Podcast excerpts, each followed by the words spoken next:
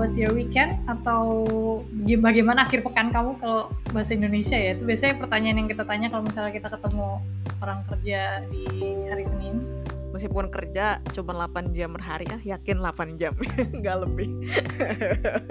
Kayaknya weekend tuh kayak bener-bener uh, what gets me going gitu.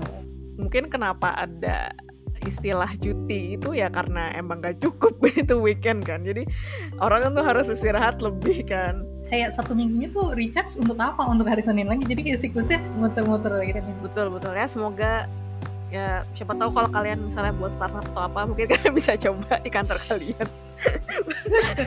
Nanti kalau buka lowongan bilang ya. Waduh